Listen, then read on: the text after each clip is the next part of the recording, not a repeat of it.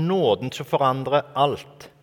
Og denne forandringen som skjedde når Peter fikk besøk, eller så dette synet, og Kornelius fikk besøk av en engel, og, og de møttes, det er en enorm viktig forandring som har stor betydning for oss. Fordi Peter var jøde, og han levde i den tro at når Gud hadde valgt ut jødefolket, så var de spesielle. Og jødene hadde nok en tendens til å ikke skjønne utvelgelsen, men å tenke eh, at de var privilegerte. Gud valgte ut jødefolket for at, skulle, for at han skulle vinne hele verden gjennom dem. De skulle liksom være en kanal for at Guds ord og Guds velsignelser skulle nå ut av hele verden. Mens jødefolket hadde jo egentlig gjort det til noe eksklusivt. De var i en egen klasse, for de var Guds utvalgte folk, og de så ned på andre. Og en jøde kunne ikke ha noe med en hedning å gjøre. Kornelius var jo en hedning, en ikke-jøde, altså. Og Det er mange ting i denne historien som er ganske sjokkerende for en jøde på Peters tid. At han i det hele tatt kunne snakke med disse folka som kom og hentet ham. At han kunne reise sammen med dem alle disse ni-ti timene det sannsynligvis tok til fots for å komme til Kornelius. Eh, At han kunne gå inn i Kornelius' hus. At han kunne snakke med han. Alt dette var helt utafor. Helt utafor. Helt tabu. En kunne ikke gjøre det, og ingen gjorde det. For det var ureint, og en blei sjøl urein av å gjøre det. Dette er vanskelig for oss å skjønne, tenker jeg. Det er liksom en kulturell kontekst som vi ikke helt klarer å sette oss inn i. Men sjøl altså Dette skjedde jo etter Jesus var stått opp, og etter himmelfarten, og etter Den hellige ånd, og etter opplevelsen på pinsedag, hvor de talte i tunger, og folk fra alle kanter skjønte det og tok imot. Men fortsatt så var Peter altså av den oppfatning at Jesus kom til sitt folk, til jødene, med Messias, som var for jødene. Så var det noen som kunne tilslutte seg jødene sin religion liksom, og så bli omskåret og bli en del av det, men det var i første rekke for det utvalgte folk. At evangeliet skulle gis direkte, nærmest, og til hedninger, var altså fortsatt ikke oppfatta. Og etter denne hendelsen, hvor Gud greip inn så veldig tydelig med dette synet, med den duken og med de dyra som, altså, Alt var rent, det var, skulle ikke kalle noe ureint. Og at Kornelius fikk besøk, og at de møttes, og at Den hellige ånd kom over dem mens han talte. Før de var døpt, på en måte, og så ble de døpt. Alt dette var jo en veldig sånn sterk Guds inngripen, for dette måtte skje for at hans eh, oppdrag, hans plan, skulle eh, fullføres. Det var kjempeviktig.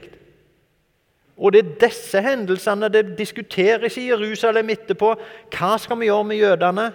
Og det er på bakgrunn av det som skjedde med Peter og Kornelius, at de diskuterer det og finner ut nei, faktisk så må det bety at det òg gjelder ikke-jøder, dette. Det gjelder altså alle, faktisk.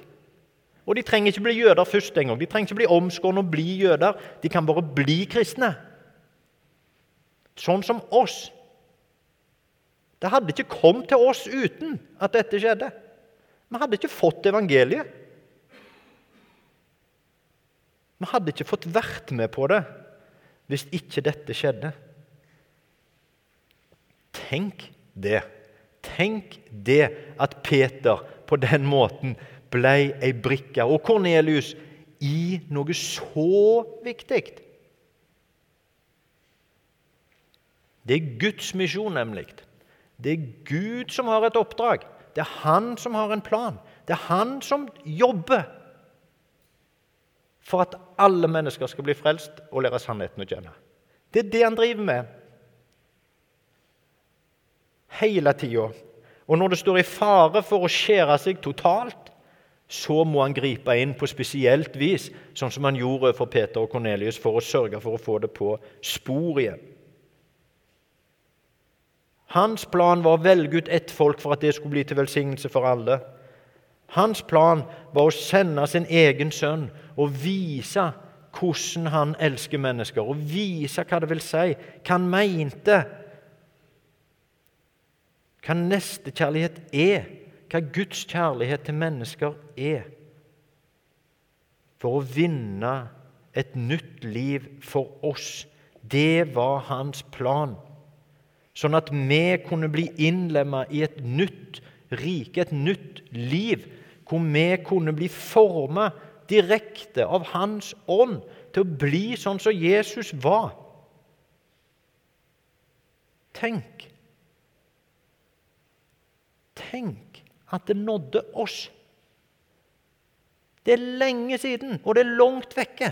Og tenk alt det rart som har skjedd i historien. Også i dag kan vi tro det, høre det, satse livet på det. La det styre oss. Tenk at vi får være med. Nåden har forandra alt.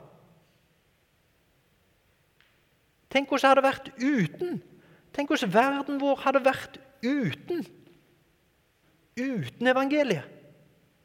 Uten Jesus. Det er jo ikke til å tenke på. Det er ikke til å forestille seg. Og hvordan hadde vårt liv vært uten? Tenk hva vi får lov til å være med på. Og jeg har tenkt på denne talen masse. Og jeg har snakket masse om misjonsoppdraget. Og så tenkte jeg det hva, hva, er det vi sier, og hva er det vi gjør? Hvordan er det vi liksom Hva føler vi når en snakker om kallet? Hvor mange av dere blir slitne bare med tanken på at jeg skal tale om kall? og misjonstjeneste. Så tenkte jeg er det det? Er det det som er budskapet? Skjerp dere, gjør mer, gi mer, vær mer aktiv. Er det det som er budskapet? Er ikke budskapet at nåden har forandra alt? La oss se tilbake heller. La oss se hva vi får lov til å være med på. La oss se hva Gud har brukt oss til bare det siste året. Bare det at vi får lov til å være med på Mercy Ship. 1700 livsforvandlende kirurgiske inngrep. Tenk på det, da! Det er mange liv som blir forandra. Og så får vi lov til å være med på det. Kirka i, i Mostamed den står jo der. Det er noen mursteinskledde fasader og ikke helt ferdig inni. Tenk hva det skal bety. da. Vi har jo sett noen av oss, de som allerede er der. Vi har tru på dem og deres innsats. Vi vet hva Tina står for, og vi vet hva de andre, hva folk det er. og hva, Tenk hva det skal bety.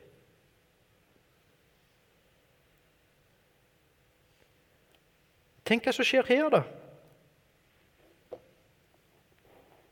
Tenk alle som blir vist omsorg. Tenk hva det betyr for oss.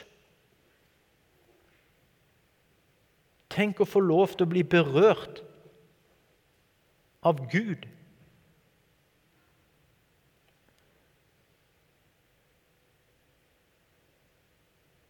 Tenk å få lov til å bli kjent med søsken på hele kloden. Tenk å få være med å bygge, skape fellesskap som betyr noe som bedre i sykdom og i død.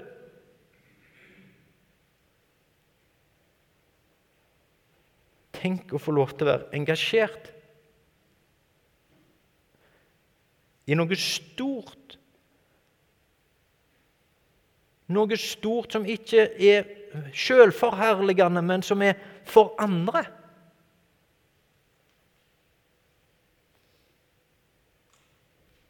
I advent så er det liksom en tekst som kommer igjen år etter annet om et nådens år. Et nådens år. Nå begynner vi på et nytt nådens år. En gang til skal vi få begynne på et nådens år. Tenk hvor vi bor. Tenk hvordan vi har det. Har dere sett den serien på NRK om da vi styrte landet? Om de statsministrene som sitter og snakker, altså alle nålevende norske statsministre som, som snakker sammen. Og Det er helt sikkert masse vi er uenige av det de har stått for. Sånn. Men tenk at vi bor i et land hvor ingen av de er anklaget for korrupsjon. Hvor ingen av de, hvor vi ikke har mistanke til noen av de at de har gjort det for egen vinnings skyld men for folk og land. Styrt landet vårt. Det er helt utrolig. Det er nesten bare i Norge det går an. Det kommer jo ikke av seg sjøl. Det hadde ikke vært sånn hvis ikke Tenk hva vi har. Tenk hva vi har fått. Og tenk hva vi får lov til å være med på.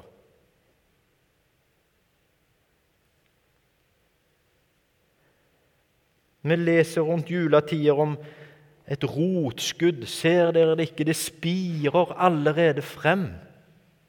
Det er lenge siden dette var en spire.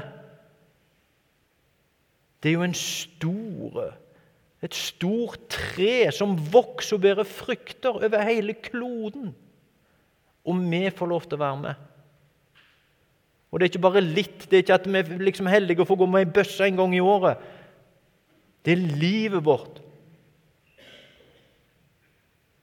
Vi får lov til å leve med det, i det. Et nytt perspektiv, et nytt liv. Nåden har forandret alt.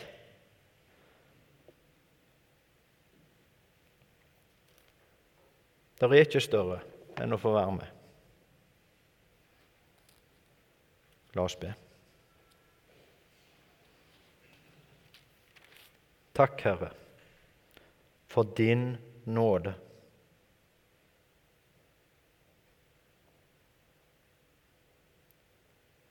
Takk for alt det har forandra i vårt samfunn, i vår verden, i våre liv. Takk for at vi har fått et nytt liv, Herre, med nåden som basis, og med verden og alle mennesker som perspektiv. Takk for at vi får lov til å være med. Takk for at vi får lov til å være med og sende Lara Kjell Roar. Og se bildene fra Mostamed. Og høre historiene fra Africa Mercy Og få gi til julekasser til folk som ikke har det bra her i vår egen bygd.